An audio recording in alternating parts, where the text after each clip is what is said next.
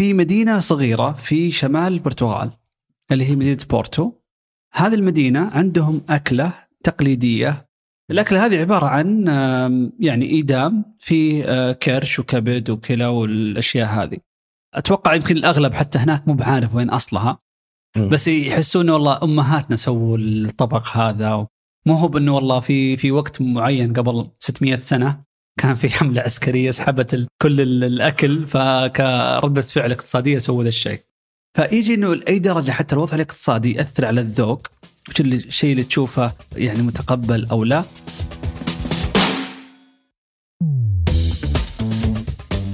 هلا حياكم الله معكم محمد آل جابر كاتب ومختص في الاقتصاد. وهادي فقيهي أستاذ مساعد في الإدارة الاستراتيجية ومهتم بالإقتصاد والتقنية والتسويق.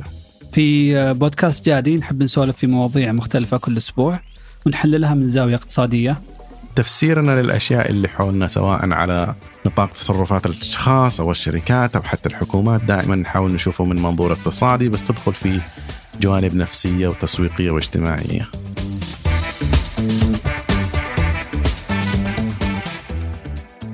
هلا هادي حياك الله محمد. قربنا نقفل 2023 إي والله سنة مرت بسرعة يعني. سريع صراحة. ولا كل سنة إحنا نقول ذا الكلام. هو يقول لك لما تكبر في العمر الوقت يمر بسرعة لأنه سنة واحدة بمقارنة ب 35 سنة ولا شيء. طب كان عندك أهداف سنوية كال... كالعادة يعني الناس عندهم أهداف بداية السنة؟ نعم. عن- عندي هدف اللي من كم صار لي 15 سنة؟ إنه دائما في هدف في السنة إنه هذه السنة اللي ممكن تفتح فيها business هذا ما صار. وأيضا. ححخسر وزن. ما صار. آه دائما ال- ال- النوادي الرياضية بداية السنة تصير full وبعدين تشوف آه، February ينزل March يلا. لا أحسن business بالنسبة لهم يعني ال business اللي يقول لك لا تجينا. مم. لكن حتى لو تروح الأندية الرياضية مو الناس خلاص قالوا الرياضة ما لها علاقة ما تقلل وزنك وطبيعه والله ما أدري لأن ما لا يفرق. أنا أحس إنه أسلوب الحياة بشكل عام مو بس الرياضة. أسلوب الحياة أنا أشوف في له تأثير واضح. يمكن في أشياء أكيد تفرق جينيا آه العمر آه مع إنه حتى العمر الحين يقول لك إنه الهضم حقك ما يعني ما تقل كفاءته مع الكبر في ال- من جد؟ إيه هذا آه. شيء آه نيو ريسيرش ف هذا خبر مبشر. لا في الموضوع هذا من الأشياء الغريبة اللي قد شفتها. وهذا أصلا مو شيء جديد شيء معروف بس ما جاء في بالي إلا من قريب. مو بس في ظروفك وجيناتك وإنما الظروف اللي عاشوا فيها أهلك أجدادك وال يعني جيل أو جيلين قبل. أيوه. إنهم إذا عاشوا في ظروف اقتصادية سيئة مم. وما كان في سهولة الحصول على الأكل أجيالهم اللي بعد تجي تشتكي من مشكلة السمنة. عجيب. وهذا الشيء طبعا مروا فيه كثير من الناس حولنا يعني إحنا الحمد لله الآن نعيش في خير لكن هذه النعمة م، أجدادنا مثلا في بداية عمرهم ما عاشوها. هذه الفكرة جت في أول شيء من دراسة كان على الناس اللي عاشوا في الحصار الألماني لهولندا أيوه في الحرب العالمية الثانية كان أعتقد هو نفس الفكرة اللي كان فيها دانكيرك آه، أي. الفيلم بعدين لاحظوا إنه الأجيال اللي جت بعد لهذه المجموعة اللي عاشت تحت الحصار في هولندا كانوا أكثر سمنة من من غيرهم مم. وتحديدا الأطفال اللي وقتها كانوا في مرحله اللي عاشروا الحصار إيه. صاروا أكثر سمنة لاحقا. لا مو اللي عاشوا الحصار نفسهم. أبنائهم. أبنائهم خصوصا الأبناء اللي وقتهم كانوا في فترة الحمل. طيب. بس في دراسات ثانية تحصلها حتى على اللي ما يكون فترة الحمل. مم. كانوا أكثر سمنة وأمراض ثانية من غيرهم. هذه بس مو كانت في هولندا بعدين الصين الهند. ما أعرف إذا صارت عندنا دراسات نفس الشيء إنه المجتمعات اللي تمر بمجاعة الجيل اللي يجي بعد يكون جيل أكثر سمنة.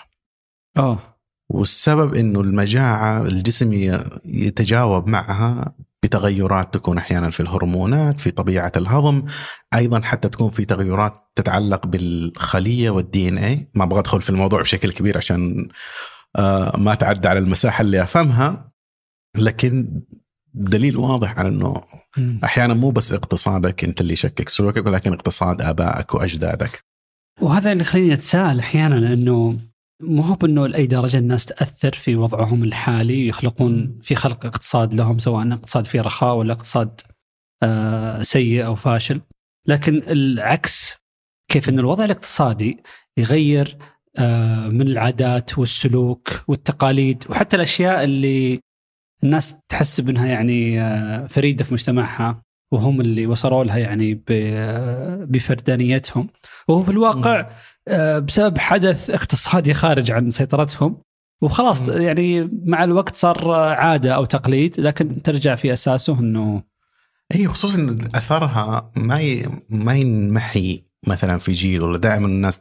تفكر في الاشياء الاقتصاديه إنه خطط خمسية والآن نغيرها. لكن على موضوع السمنة يعني الآن من أكثر البلدان في العالم سمنة الهند. وكثير يربطوها إنه من أكثر البلدان اللي كانت تمر بالمجاعات أيضا كانت الهند. فالآن انت جالس تحاول تغير من وضعك وتقارن نفسك ممكن اللي عايشين في أوضاع جيدة في النهاية هو بسبب اقتصاد أبوك وجدك لسه لاحق اللي أثر. أيوة.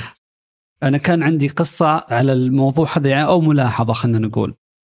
اللي عارفه الأوروبيين في أي مكان تروح ما يستسيغون الأحشاء. يعني ما يطبخون ال- الكرش والكبد والكلى وال يعني الأشياء اللي يمكن مجتمعات ثانية تحسها أو تعتبرها من أفضل الأكلات. أعتقد باستثناء الاسكتلنديين لأن عندهم وجبة الهاجس إيه. أكثر وجبة مقرفة في العالم. بس في في خلينا نقول مين لاند أو إيه. أوروبا لا. الناس اللي عندهم أكل زين. ما شفتها ما يعني باختلاف بعضهم عندهم أكل سيء لكن يكرهونها ما يستسيغونها ابدا يعني. أه ولكن في مدينة صغيرة في شمال البرتغال اللي هي مدينة بورتو على أن البرتغال أصلا جزء صغير من أوروبا هذه المدينة عندهم أكلة تقليدية والأكلة هذه مسماة خلف المدينة تراباس دي بورتو أو شيء اسم الأكلة. الأكلة هذه عبارة عن يعني ايدام في آه، كرش وكبد وكلى والأشياء هذه. وهي أكلة تقليدية عندهم ومرة مبسوطين فيها ويحسونها شيء عظيم. حتى باقي يمكن حتى باقي البرتغال ما عندهم الأكلة هذه ولا يستسيغونها فقلت وش السالفة؟ ليش عندكم ال... أو كيف ليش الأكلة هذه موجودة؟ فطلع بحكم أن بورتو مدينة يعني على الساحل مدينة ساحلية وكانت هي المدينة مركز بناء السفن في البرتغال. فعام 1400 وشيء في الوقت اللي كان فيه آه، حرب بي- بينهم وبين أتوقع ال ال ما أدري يا الإسبان اللي هم لما. لما. قسموا العالم قسمين البرتغال. تاخذ جهة والإسبان ياخذ الجهة الثانية كان في حملة في سنة من السنوات حملة يعني آه، سفن كثيرة صنعوها وجت البحرية وانطلقت من مدينه بورتو وأخذوا كل المؤونات من من المدينة هذه الحبوب الفاكهة ال- أي شيء يعني ممكن يخزن ويحمل في الس- في السفينة حملوه بما فيه اللحوم يعني جففوها وحملوها في السفن. فعانت المدينة بعدهم من يعني جوع شديد وقلة موارد ولكن كان عندهم كميات كبيرة من آه، الأحشاء اللي موجودة بعد ال... واضح أو أو كثير يقولون إنها دخلت كطبق. وقتها سووا الطبق هذا اللي هو ايدام كبد وكلى وقلب وكذا. أتوقع يمكن الأغلب حتى هناك مو بعارف وين أصلها. بس يحسون إنه والله أمهاتنا سووا الطبق هذا مو هو بأنه والله في في وقت معين قبل 600 سنة كان في حملة عسكرية سحبت ال- كل ال- الأكل فكردة فعل اقتصادية سووا ذا الشيء. بس مع إنهم كذا استمروا عليها خلاص صارت جزء من آه، اي إنه لاي درجه يأثر في الذوق يعني ال ال ال يمكن المجتمعات الأوروبية يمكنها أصلا آه، السبب إنها ما تتقبل أو ما تتذوق الأحشاء إنه عندهم وفرة وفرة من اللحوم وفرة من ال- آه، إيه. فما اضطروا بينما المجتمعات اللي في عندهم الخصوبة شح الزراعية يعني أي تساعد. عندهم سواء كماشية أو كزراعة. لكن المجتمعات الثانية اللي عندهم شح شديد فتحصل إن كل جزء من ال- الحيوان لازم إنهم يستغلونه. يعني هو مورد شحيح جدا. فيجي إنه لأي درجة حتى الوضع الاقتصادي يأثر على الذوق وش اللي الشيء اللي تشوفه آه يعني متقبل أو لا. وأحيانا في نفس ال- الجيل في نفس يعني مو هو ما يحتاج 500 سنة عشان الشيء. يتغير. في نفس الجيل يحدث التغير. هذه القصة تشبه قصة ال- البيتزا، أنا ما أعرف صراحة القصة هذه هل هي لأنه قد سمعتها بعدين زي اللي يفكر إنها ممكن مو ممكن تكون حقيقية، بس فكرة إنه ليش جت البيتزا من إيطاليا؟ الإيطاليين والرومان خصوصا طول آه، تاريخهم هم في حروب ويشنوا حروب ويقتحموا ويحاربوا سواء اللي مع أوروبا مع شمال أفريقيا أو مع بقية البلدان. فيقال إنه من جاذبية البيتزا بالجنود كان إنه ما تحتاج أطباق عشان تسويها. ما تحتاج تطبخ آه. الخضروات والفواكه قصدي ال- واللحم تحتاج تطبخه لوحده وال- والخبز تسويه لوحده. إنه تنثرها على الخبز نفسه آه. وتطبخها. تتوقع كان لها يعني ال- ال- لها صحة في تاريخيا؟ أنا إذا عجبتني القصة ما ادقق صحتها القصة تأتي قبل لأنه لكن منطقي إنه فعليا تفكر فيها ممكن شيء أسهل تسويه إذا كنت أنت في جنود وما تحتاج تشيل معك كل الأغراض. أحيانا يا أخي في من الأشياء صارت من التاريخ القريب جدا.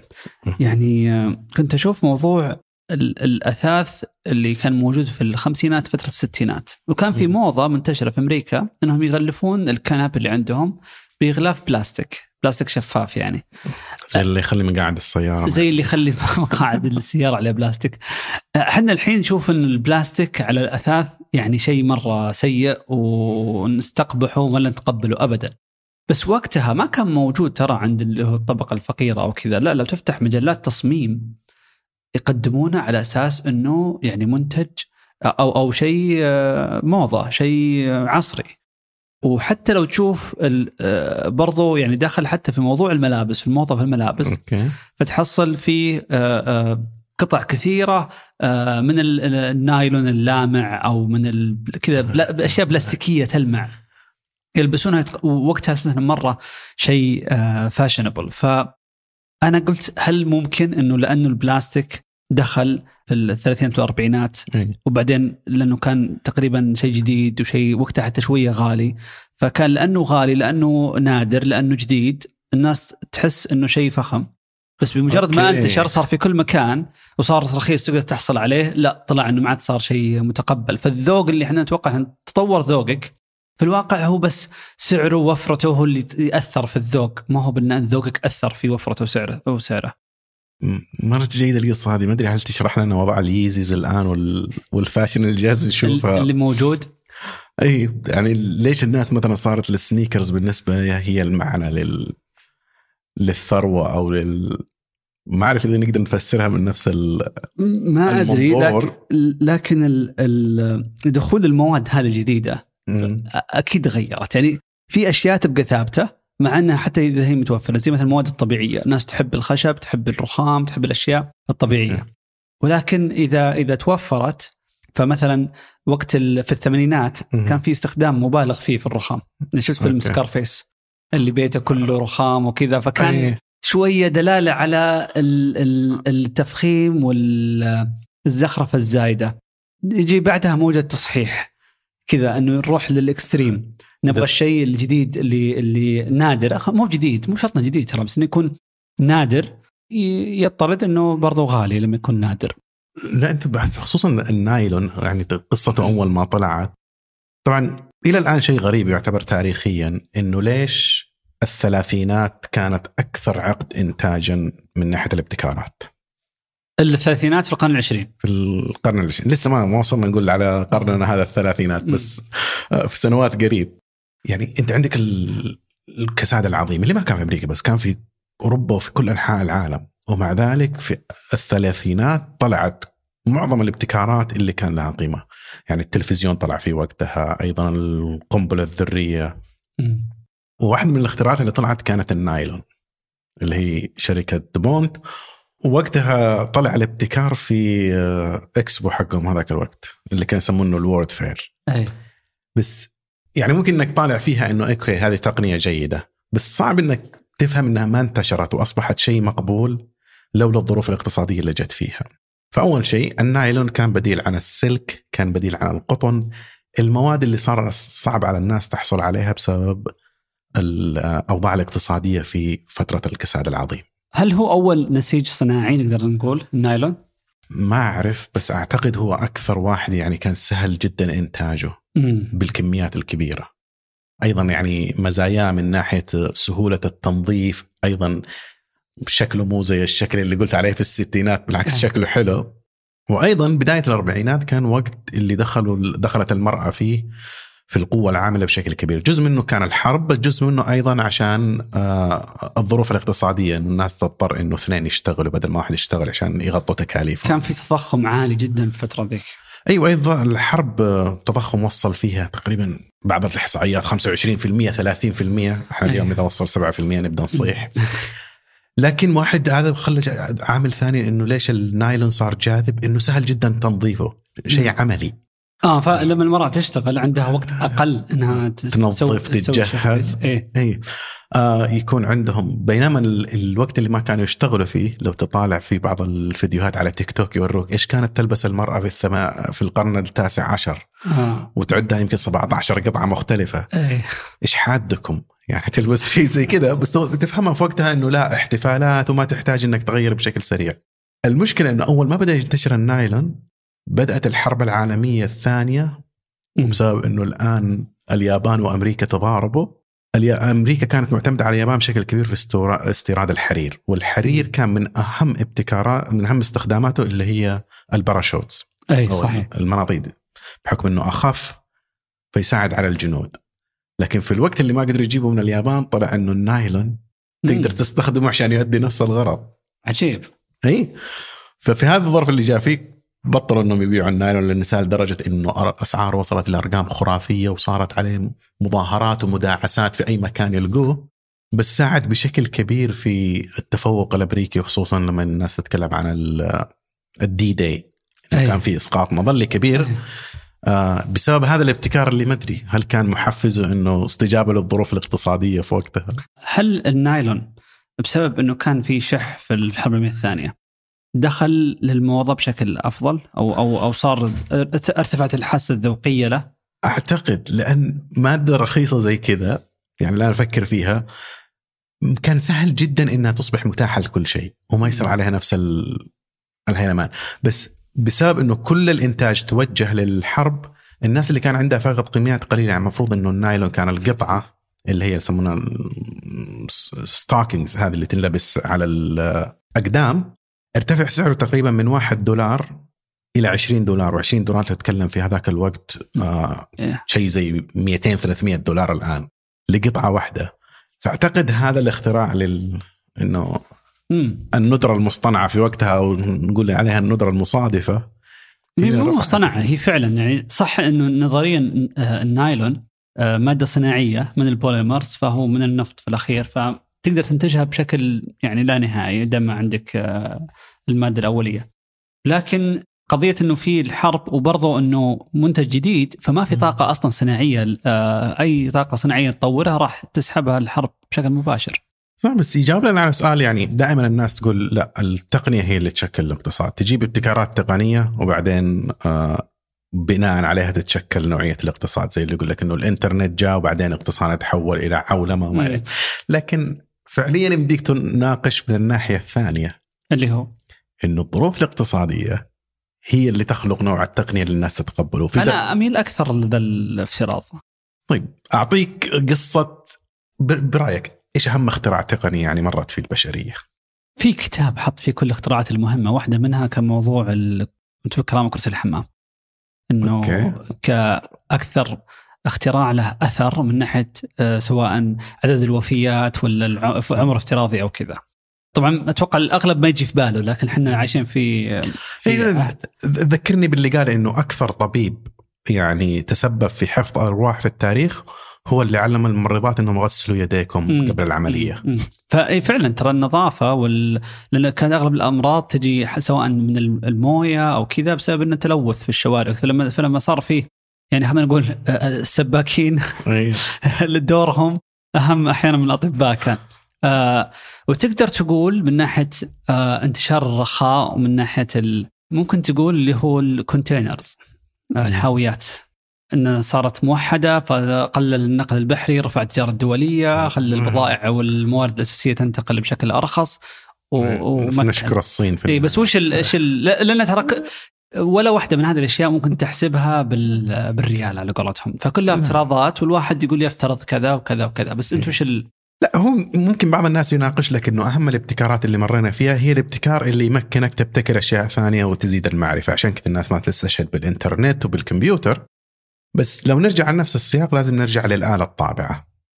ما هي الآلة الطابعة؟ آه صح لأن لأن انتشار العلم والكتب لمئات السنين كانت هي الوسيلة الوحيدة أصلا.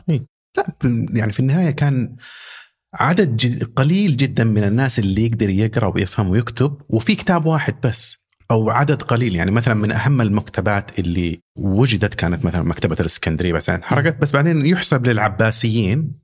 إنهم فعلا بدأوا بالتدوين وبنوا مكتبة في بغداد تعتبر مكتبة عظيمة وهي سببها إنه العلم اللي جابوه الإغريق أي آه، ما انتفى وبعدين انتقل من المسلمين إلى أوروبا م. لكن الآلة الطابعة قصة إبتكارها إنه أوروبا في القرن الرابع عشر تقريبا الثالث عشر اللي هم مروا بموضوع ال- الموت الأسود أو الطاعون الأسود اللي قتل تقريبا ثلث السكان مم. الناس اللي عاشوا في الطاعون الأسود طبعا كانوا من أسوأ الناس حظا أي. لكن الناس اللي جو بعد الطاعون الأسود كانوا محظوظين جدا م. لأن هذا العدد الكبير من الوفيات كان معناه إنه في ثروة كبيرة تركت من الناس اللي ماتوا وفرص عمل وعقارات ويعني كل شيء كان متوفر لأنه إلى وقت قريب كان حجم الثروة يتناسب مع احتياجات الناس اليومية ما. عدا طبقة قليلة يعني عندها هذه الثروة، لأول مرة كثير من الناس أنا ما أحتاج أشتغل. عشان آه، أوفر احتياجاتي، أصرف بس ال- الذهب والفضة والمواد اللي وجدت بسبب موت الناس اللي عدوا.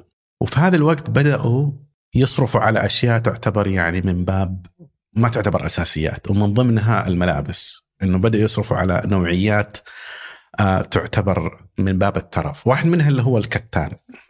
الكتان تقنيته بدأت في الصين بعدين مع تجارة المسلمين مع أوروبا انتقل إلى أوروبا وبدأوا الأوروبيين هو هو قطن بس إنه له آه، طريقة صنع أو طريقة حياكة شوية مختلفة هذا اللي أنا اعرف أعتقد يعني هم كلهم نفس نفس الشجرة شجرة، والعشب اللي تجي فالناس بدأوا يلبسوا هذه الملابس بشكل كبير رخص أسعارها لكن في نفس الوقت كان كانت بيضاء فكان صعب جدا إنك تنظفها. إيه. فكانوا يرموها ويشتروا شيء جديد يلبسوا شيء جديد. أوكي.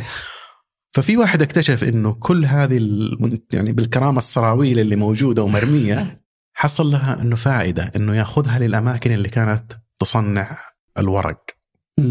لأنه الآن ما تحتاج تبدأ العملية من الصفر.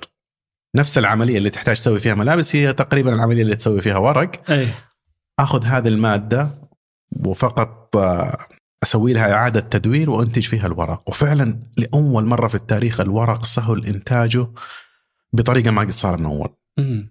لكن الآن عندك كمية كبيرة من الورق بس كمية قليلة من الناس. بسبب اللي ماتوا وخاصة اللي كان استخدام إنه باقي يكتب بالريشة بالحبر مدري إيش. إي فين تحصل كتاب ممكن يلبوا هذه الحاجة.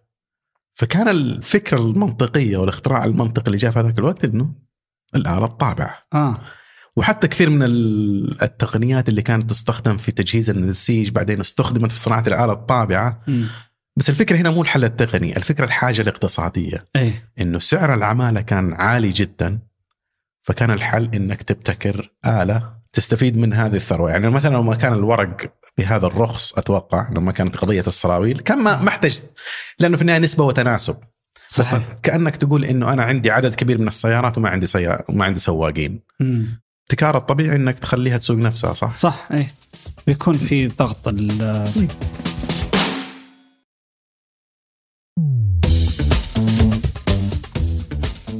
طلعت لنا الآلة الطابعة. طبعا الآلة الطابعة الآن لما تكلمت عن البرتغاليين ومعاركهم يقال أنه عصر الاستكشاف لأنه الآلة الطابعة طلعت في 1440 مم. وعصر الاستكشاف وكولومبوس وراح أمريكا ما صارت إلا نهاية هذاك القرن. نعم. هو بدا بدأ من 1420 في رحلات م- مختلف الوجهات يعني. بس ما انفجرت ودخلوا في عصر الاستكشاف إلا لما سهل طباعة الخرائط. إيه. صار أي واحد يروح أي مكان يعني كان الثروة الفعلية إنك تجيب خريطة. والناس أصلا كانوا يدفعوا لبعض البحارة إنه روح وكون لي خريطة لمنطقة ما حد يعرفها. مم. الآن أقدر أبيعها على الجيش وكل واحد يدعي إنه خريطته أحسن شيء. يعني كانت فعليا آه، من أشكال ال- التباهي. العجيب لما تشوف ال- الخرائط القديمة في يعني نتكلم 1400 1500 1600 يا أخي. دقيقة بشكل أكثر بكثير مما تصور. حتى على مثلا الشواطئ. ال- رسمة الشواطئ. طبعا مو أتكلم دقيقة إنه الجزيرة هذه موجودة أو أو القارة هذه موجودة أو لا. لا دقيقة في الكسرات حقت ال... يعني لما تنزل تسوي زوم إن إلى أحيانا بالكيلو يعني آه، فيها دقة. فأتوقع إنه هذا الشيء ما راح يجي من رحلة واحدة. هو عبارة عن عمل تراكمي. فلما أنت تجي في خريطة دقتها 20% ترفعها إلى 25 اللي بعدك يرفعها زيادة إلى 30% وهكذا. على على مدى كم؟ 100 سنة 200 سنة. تقريبا هم لما وصلوا إلى 1800 مم. أنت إذا عجبك هذا الموضوع في كتاب اسمه تاريخ العالم في 12 خريطة مم. من أكثر الكتب الممتعة ويبدأ لك من أقدم خريطة وجدت حتى قبل عصر الإسلام وبعدين خريطة الإدريسي مم. وتأثيرها وبعدين كل الخرائط اللي طلعت بعدها والشيء اللي يصدمك إنه لما تشوف الخريطة النهائية اللي صارت قبل أول رحلة للفضاء قبل ما فعلا. نطلع ونصور الكرة الأرضية ما تعلمنا ولا شيء جديد من هذيك الصورة آه. انه الخرائط اللي وصلت لها الناس في هذيك المرحلة كانت تقريبا اكتشفت كل الأماكن وحصرتها. وكان لها تأثير كبير جدا على على نوعية يعني ال... الاستكشافات اللي صارت بتعتقد ال- الآلة الطابعة فيها لعبت دور كبير إنه. نشر المعرفة صار بهذاك الشكل القريب طيب يعني حتى ال...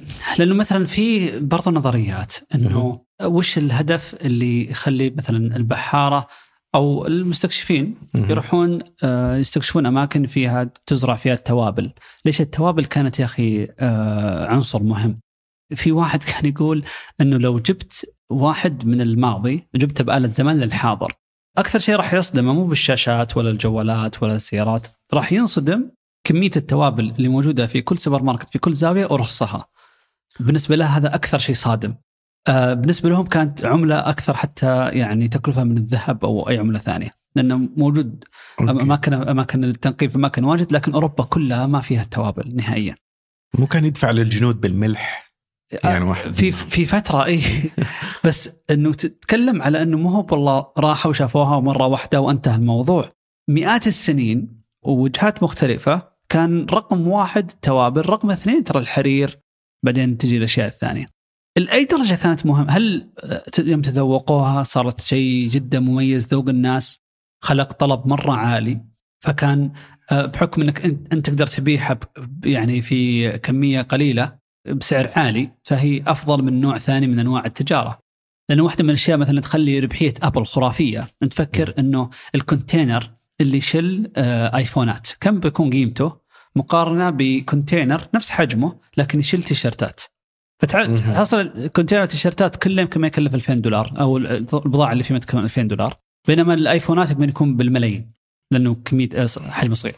فانا أفكر ممكن بنفس المنطق. التوابل ممكن سفينة واحدة تعبيها من آه، زعفران أو أي نوع من أنواع التوابل ترجع تبيعها بقيمة مرة عالية لكن ما هو بأي أي بضاعة ثانية تعطيك نفس الشيء لكن آه، لا تنسى إن في شركات يعني بحجم دول بنيت على وجهات معينة وكان في وجهات ثانية فيها. أنواع ثانية من المحاصيل أو من الأشياء اللي ممكن يب- يبنون عليها تجارة لكن كان دائما المفضل اللي فيها توابل.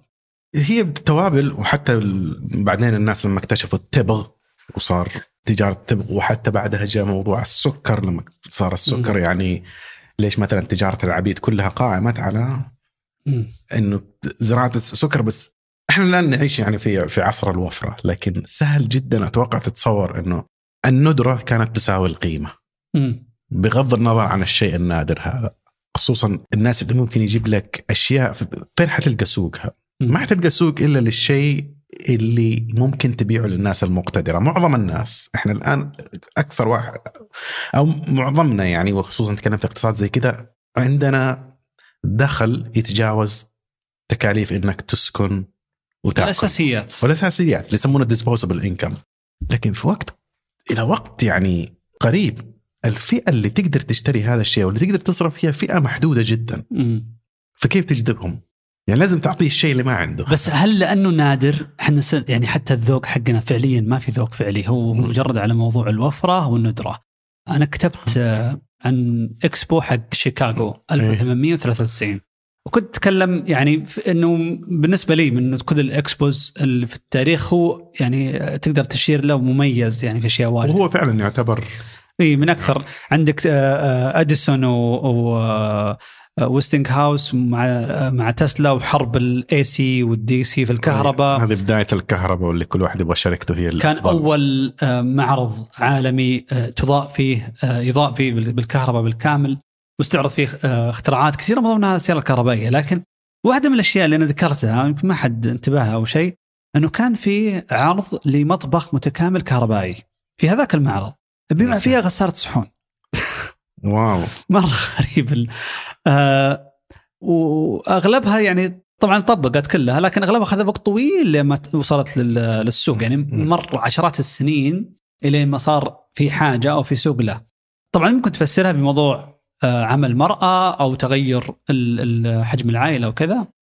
لكن واحدة من الأشياء اللي اللي موجودة في المطابخ الحديثة أو كذا اللي هو بداية الميكروويف. بداية الميكروويف كان يعني يعتبر جهاز غالي. واللي يقدرون يشترونه أثرياء. فكان يكون عندك مايكرويف تستخدمه في تجهيز أكل. أي أكل يعتبر شيء من الرفاهية. وكان فعلا مرتبط ذهنيا إنه هذا شيء للطبقة الثرية. مو مو الآن صورة الشخص الحزين اللي بالضبط. بس متى صار؟ وكان ال ال ال الطبقة الفقيرة اللي تأخذ كل آه، خلينا نقول المواد الأساسية حقت الأكل من الصفر. فيأخذ الطحين فما يشتري حتى خبز جاهز لأنه غالي عليه فهو يسوي الطحين وعجين في البيت ويخبز. الأكل كله يجهزه ال ingredients من الصفر. هذه الطبقة اللي تحت. بينما كل ما طلعت فوق كل ما كان أنت تأخذ أكل جاهز prepared يعني مجهزين لك إلى درجة إنه الوجبة جاهزة أصلا مجمده لك فقط حطها في الميكرويف واضغط زر.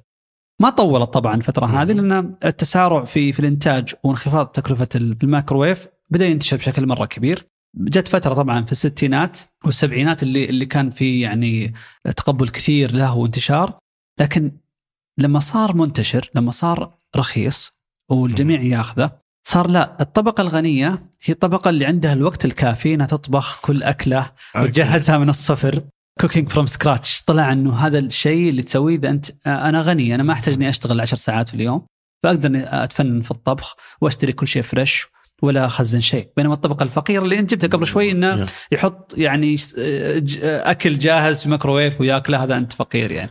يرجع نفس النقطة إن إحنا نقول إنه okay الاقتصاد ممكن يشكل سلوكيات الناس ويشكل حتى تركيبات المجتمع بس هنا ندخل في جانب ثاني إنه النهاية الاقتصاد هو فن التعامل مع الندرة أو علم التعامل مو فن انه الطريقة الوحيدة اللي نحتاج فيها يعني تجي من كلمة نقتصد إنه في موارد نادرة أو في مصادر نادرة مم. كيف نحط عليها قيمة وطبعا الطريقة الأسهل إنه بالتسعير. فطبيعي جدا إنه الأشياء النادرة دائما تكون عند الطبقة اللي تقدر تدفع عليها مبلغ أعلى. بس هذا يدخل فيه حتى على تركيبات المجتمع. مثلا ليش شيكاغو يعني ليش كان يعتبر بالنسبة لهم آه، ال World Fair اللي تكلمت عليه وإكسبو في 1893 مم. كان يعتبر حديث حدث عظيم جدا بالنسبة لهم. لأن قبلها ب 20 سنة المدينة كلها انحرقت. صح عام 73 ال Great Fire حق شيكاغو. اي حريق بدأ يقول لك من اسطبل واحد وحرق المدينة لدرجة الآن لو تزور هذه المدينة هتحصل بس مبقين بناء واحد خشبي إنه كل المدينة كانت مبنية من الخشب والبقية كلها حرقة. طيب ليش مثلا في هذه المدينة مو على المدن الثانية كان كل المباني مبنية من الخشب، طبعا الخشب منتشر البناء فيه بس غالبا ما يكون داخل المدن. يعني مثلا لو تروح نيويورك الآن تحصل مباني قديمة بنيت بس بنيت باستخدام حديد أو استخدام اسمنت كان ولا شيء. حجر bricks أو- يعني هو اللي هو اللي مستخدم أيوه قديم أو حجر تحصلها حتى في كل المدن الكبرى. مم. السبب إنه الوفرة يعني الأماكن ال- ال- هذيك المنطقة اللي حولهم منطقة ما هي. غا ما هي غابات لكن مناطق يعني فيها الخشب سهل أيضا كان سهل نقله إي لأن كانت على على ممر آه اللي هو ال- الأنهار اللي آه، نهر المسيسيبي هذا اللي يشق من بلاد أمريكا إلى نهايتها. يعني كان في السهولة. فلما انحرقت المدينة كانت بالنسبة جنة للمعماريين. أي. إنه الآن تعالوا وأعطونا أفضل التصميمات اللي عندكم. وإلى الآن ما تزال هذيك المدينة من أجمل المدن معماريا. آه لو تطالع في ال... من أكثر المع... أو أشهر المعماريين في التاريخ ترى من شيكاغو. ليش؟ لأنه جو على مدينة فاضية وقالوا لهم سوي أي طريقة تبغاها. فحتى لو تمشي في المدينة تشوف المدارس اللي مرت فيها. بس هذا يخلينا ممكن نعترض شويتين على الفكرة اللي بدأنا فيها. وهي هل هو فعلا الاقتصاد اللي يشكل تصرفات الناس تركيبات المجتمع؟ ولا الجغرافيا اللي هم فيها. مم. اللي بدورها أصلا هي تشكل الاقتصاد. ممكن مع إنه حتى الجغرافيا ترى ممكن تتشابه في أماكن مختلفة من العالم لكن الوضع الاقتصادي أحيانا يختلف لأنه يجيك تقلبات مو هو بس في آه، في الجغرافيا نفسها الجغرافيا ثابتة. بس مثلا زي اللي صار في أوروبا كان المرض المرض غير اللي هو Black Death غير التركيبه السكانية فجأة بشكل سريع. الجغرافيا ما تغيرت. بس التركيبه مم. السكانية هنا تغيرت الوضع الاقتصادي تغير. عندك آه، يعني أحيانا تجي مثلا آفات على المحاصيل أو تجي بسبب يعني سياسات خاطئة. يعني نشوف ال- آه، الناس أيام بداية كورونا.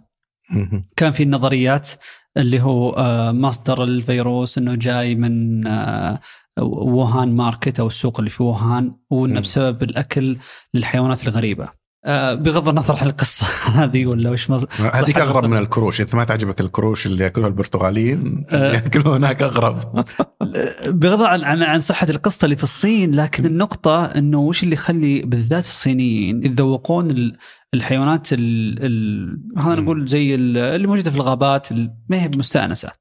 فمصدرها بسبب المجاعة اللي صارت زي ما ذكرت، المجاعة اللي صارت في وقت ماو.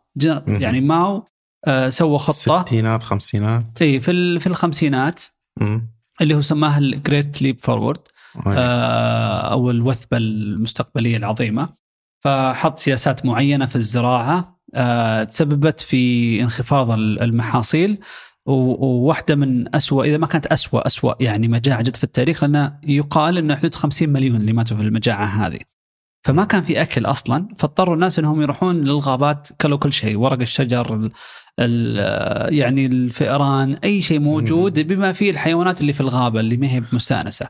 فمن. ذاك الوقت ودخل عندهم في في الكوزين حقهم يعني في أكلهم دخلت الحيوانات هذه فصح إنهم تحسن وضعهم الاقتصادي الآن أو. وصار انهم ما يحتاجون يأكلونها لكنها خلاص صارت من الأشياء في الذائقة فترى الطبقة الغنية هي اللي تشتريها مو الطبقة الفقيرة، الناس تتوقع إنه من فقرهم يأكلون ال- الخفاش ولا اللي هو، لا. ترى مرة غالي لأنه عليه تقييد وممنوع في كثير من الأماكن بسبب خوفهم من الأمراض بدأوا تنتشر. يغلقوا الأسواق هذه أصلا بدأ يسمونها ال wet markets أي. هذه فهو ترى ذائقة تطورت عند ال- الطبقة الغنية الآن لكن هي أصلها جات من وضعهم ال- اللي كان وقت المجاعة. سبب المجاعة ما كان تغير آه، جغرافي.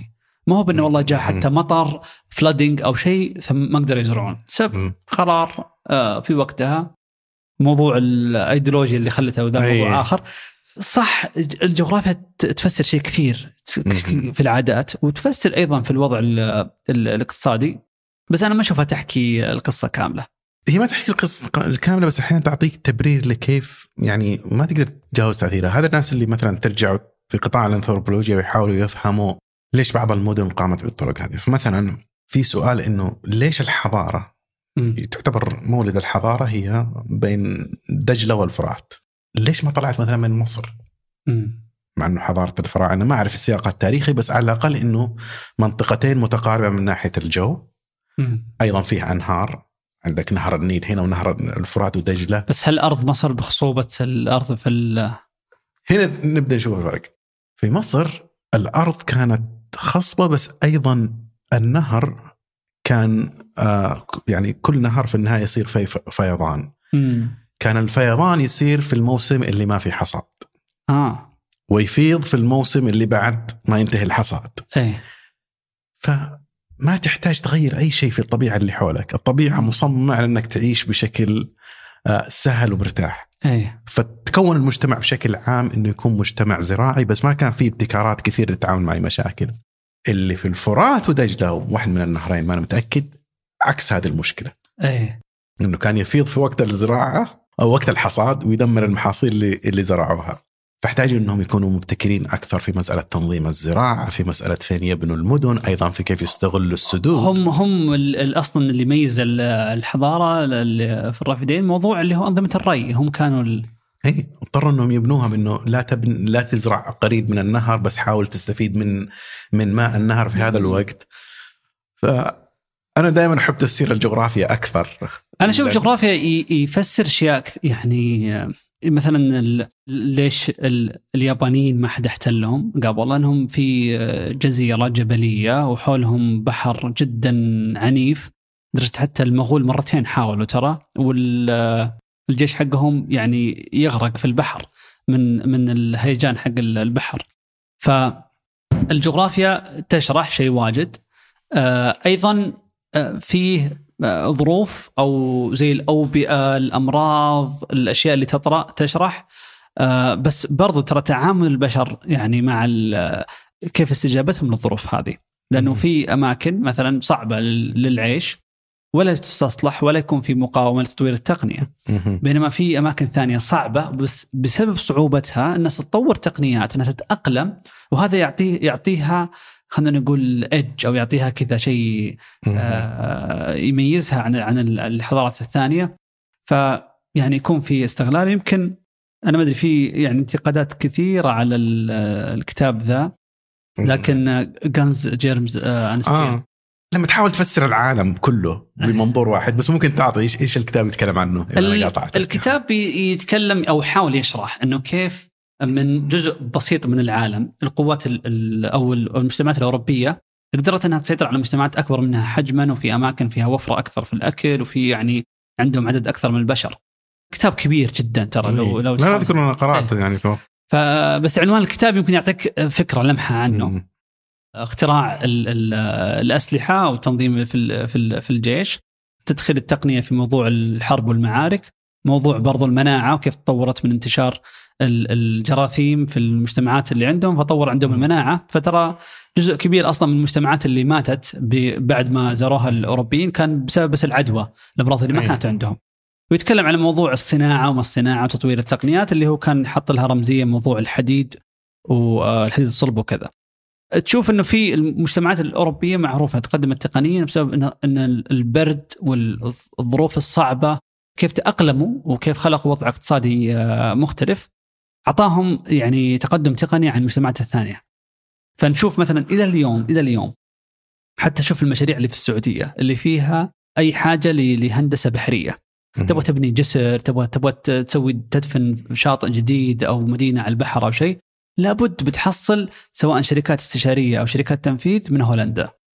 آه. عشان تعاملهم مع مشكلة الفيضان. نعم فتقول كيف يعني دولة صغيرة سكانها أقل من 20 مليون يعني تسيطر على أغلب أو تكون هي متقدمة جدا في كل التقنيات في الهندسة البحرية آه، لدرجة إنه حتى يعني في في دول في الشرق الأوسط ولا في أمريكا ولا في الشركات الهولندية هي المتميزة بسبب إنهم كيف كيفوا آه، أرضهم اللي كانت منخفضه كان يغمرها البحر كانت أصلا يعني مستحيل إنهم يعيشون فيها إلا يدفنوا عشان كذا في عندهم الكنالات البحرية هذه والقنوات البحرية. المائية وسط المدينة. كم نص بلدهم أصلا ريكليمد لاند ما هي ما هي أرض طبيعيه مساحة نصف أي آه، هولندا مدفونة. وغير كذا إن عندهم الحين أكبر مثلا سدود تحميهم من من من البحر لأن مستوى الدولة كلها تحت مستوى البحر.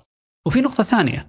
ترى هم ثاني أو ثالث أعلى دولة في التصدير الزراعي. أوكي. دولة حجمها مرة صغير. طبعا كقيمة وليس ككمية.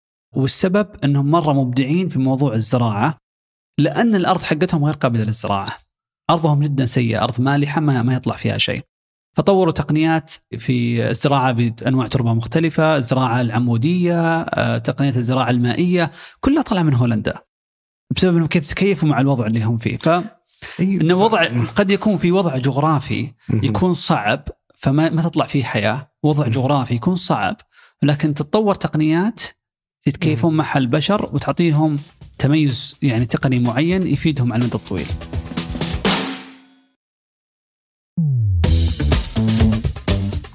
يعني استجابة الأنظمة الاقتصادية للتحديات والظروف اللي حولها هي اللي فعليا في النهاية تشكل لك الفارق لأن زي ما قلت بإمكانك إنك تجيب بلدين يتشابهون في نفس الجو أيضا يتشابهون بنفس الطبيعة الأرض والتضاريس وكل شيء لكن آه، ما تجد نفس النتائج اللي تجدها فقط بناء على طبيعة الأرض. بس بما إنك جبت طاري هولندا أنا أرجع لموضوع الجغرافيا شويتين بس أيضا يثبت لك المثال اللي نقوله. أذكر شفت عند جدي يعني آلات الزراعة اللي كان يحطوها على الثيران. اي قصدك اللي تحرث الأرض؟ اي اللي تحرث الأرض أي. ما تيجي الحراثه وهذه كان يحرثوا على الثيران. امم وهذه موجودة من زمان جدا يعني هذه التقنية وجدت تقريبا من 1500 سنة. ما هي شيء جديد لكن لما الناس اللي في أوروبا حاولوا يطبقوها على أرضهم اكتشفوا إنه الأرض عندهم صلابتها أكثر بكثير من الأراضي اللي في العراق والأماكن اللي بدأت منها هذه التقنية مم. فكان الحل مو بس إنك تحتاج آه، اداء أكثر حدة مم. بس أيضا تحتاج تركيبة في كيف إنك تستغل قوة الحصان فجت أيضا تطوير في مسألة العجلة التطويرات اللي صارت في مسألة العجلة بعدين بدأوا يستغلوها في طحن القمح مم. وكثير من الابتكارات اللي طلعت من هذيك المكان كان استجابة لهذا التحدي الزراعي إنه عشان نحرث الأرض اللي هنا لازم نبتكر أشياء أدوات أكثر آه، يعني استجابة للظروف البيئية اللي هم فيها. مرة أخرى هذه يثبت لك إنه استجابة لنظام جغرافي لكن ما وجدت في كل الأماكن. صح. طيب يعني يعني- يعني, يعني- هل, هل تشوف إنه الوضع الاقتصادي هو فعلا خلاص يعني هو اللي يشكل عادة المجتمع تقاليده؟ يعني آه، انت كنتيجه من ال- الوضع اللي أنت وضعت فيه؟ وكمجتمع ممكن المجتمع يتعامل مع الظروف الاقتصادية بشكل مختلف لكن كفرد ما هو ب يعني ما عنده الخيار زي ما يتوقع إنه هو يختار ذوقه يختار شو يشوف مناسب يختار حتى أو أو يكون قابل حتى للسمنة أو لا إنه مو هو بشيء بخياره. هي أعتقد العلاقة ممكن في تأثير الاقتصاد على العادات ممكن نشوفه أسرع. امم لأن كثير من العادات بناء على نمطك الاستهلاكي، نمطك الاستهلاكي مرتبط ب آه، دخلك المادي. دخلك المادي. فسهل جدا ان نشوف هذا الرابط. أي. إنه تسافر من مجتمع لمجتمع وتبدأ تلاحظ إنه بناء على ظروف هذا المجتمع الاقتصادية تبدأ تفسر كل العادات م. بس أعتقد الاتجاه الثاني إنه العادات المجتمع مم. تشرح اقتصاده هذا الرابط اللي ممكن نشوفه بس تحتاج إنك تحقق في الأمر خليني أعطيك مثال إيطاليا إيطاليا فيها اقتصادين هذه البلد بلد واحد بس فيها اقتصادين إيه. في الاقتصاد اللي أكثر زراعي في الجنوب إيه. والاقتصاد الصناعي في الشمال في الشمال ليش الشمال أكثر ابتكارا وانتاجا صناعيا من الجنوب؟ مع إنه الجنوب موقع الجغرافي جيد. اي واحد من التفسيرات هذه إنه طبيعة العلاقات الاجتماعية في المجتمع. الجزء الشمالي بما إنه أقرب إلى أوروبا العلاقات الاجتماعية هناك أقل ترابطا؟ اي ومنحصرة أكثر يعني الع- العائلة نفسها عدد افراد هذا في الجنوب. مو في الشمال. دقيقة انت تقول في الشمال ال- العلاقات العائلية؟ مفككة. إي طيب يعني يعني محدودة يعني واحد وزوجته أو واحد يعني ما هو زي العوائل في الجنوب. عوائل ممتدة صح. وفي التزامات عائلية أكثر في أي. جنوب ايطاليا اتكلم فهنا لما تكون ما عندك هذه العلاقة الاجتماعية مضطر إنك تبن تبني علاقات اجتماعية مع الغرباء وتبدأ تتشارك معهم معلومات ومعارف ما تشاركها مع الناس اللي حولك. لكن لما تكون العلاقات الاجتماعية قوية جدا ما تتعلم كثير من هذه العلاقات. وهذا اللي يعني واحدة من التفسيرات إنه ليش الجنوب ما صار عنده نفس التقدمات مع انه ممكن التركيبة الاقتصادية اقتصاد إلى إلى مال. اليوم في فرق كبير ترى من هي أفقر البلدان في الآخر فأنا نقطتي هنا إنه إذا تبغى تشوف تأثير العلاقات أو المجتمع على الاقتصاد تحتاج تطالع فيه من ناحية آه، شويتين مئات السنين ممكن عشان تقدر فترة تفهم. أطول. اي بس خليني أسألك عن المستقبل يعني. بعد ما أخذنا هذا الاستعراض التاريخي إنه إيش أصلا النوع الاقتصادي اللي إحنا نتوقعه في المستقبل خصوصا الناس لما تقول لك إنه الروبوتات حتصير هي المسؤولة عن الإنتاج والمسؤولة عن الاستهلاك وأيضا إيش نوع العادات اللي حنعيشها؟ هو ال- آه، راح تفتح أسئلة كثير إنه. ممكن تسأل إنه في في يعني ناس كثير أو مجتمعات كثيرة آه، تحط موضوع المكانة الاجتماعية بأهمية عملك آه، أو يحط ما مدى يعني نجاحه يأثر في قناعته الشخصية ورضاه الذاتي فهذه أسئلة يعني آه، لما يخف دور العمل في في وضعك الاقتصادي راح يكون هنا في آه، أكيد أسئلة كثيرة حول هالقيم. ما أدري أنا أتصور إنه الحين في تقارب الناس تشوف إنه في المجتمعات سواء شرقية أو غربية جالسه جالسه يعني تتقارب بشكل مرة كثير من بعددها. آه، بسبب طبيعة إن إحنا الاقتصاد كل دولة جالس يقرب من شكل اقتصاد الدول الثانية. أنا أحس إنه لا بيكون في دفع معاكس. أوكي في أي اتجاه؟ آه، في آه، باتجاه إنه نبغى نصير مختلفين. يعني ال- لما يصير في ناس مثلا ال- الشعوب اللي اللي طلعت في القرن العشرين. كان ضروري إنها يعني آه، تستورد نموذج عمل بما يلحقه من عادات اجتماعية من هيكلة آه، في الدولة علشان يقدرون هم ينافسون يقدرون يطلعون من طبقة اجتماعية أو عفوا من طبقة اقتصادية لطبقه اقتصادية ثانية.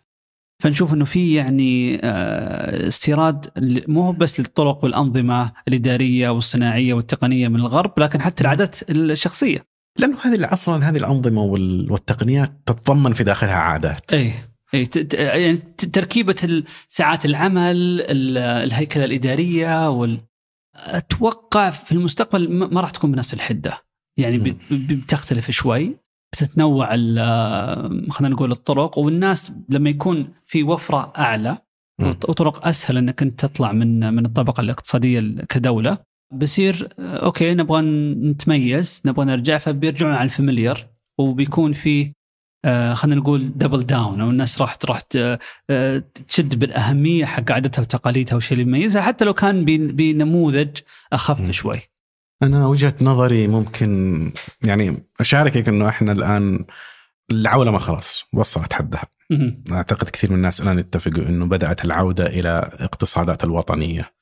سياسة بايدن بس أيضا تشوف الموجة اللي جالسة تصير في أوروبا والانحياز إلى ال- الأحزاب المتطرفة على اليمين كلها إنه دونالد ترامب قال أمريكا اولا بس بعدين كل البلدان قالت بلدنا اولا.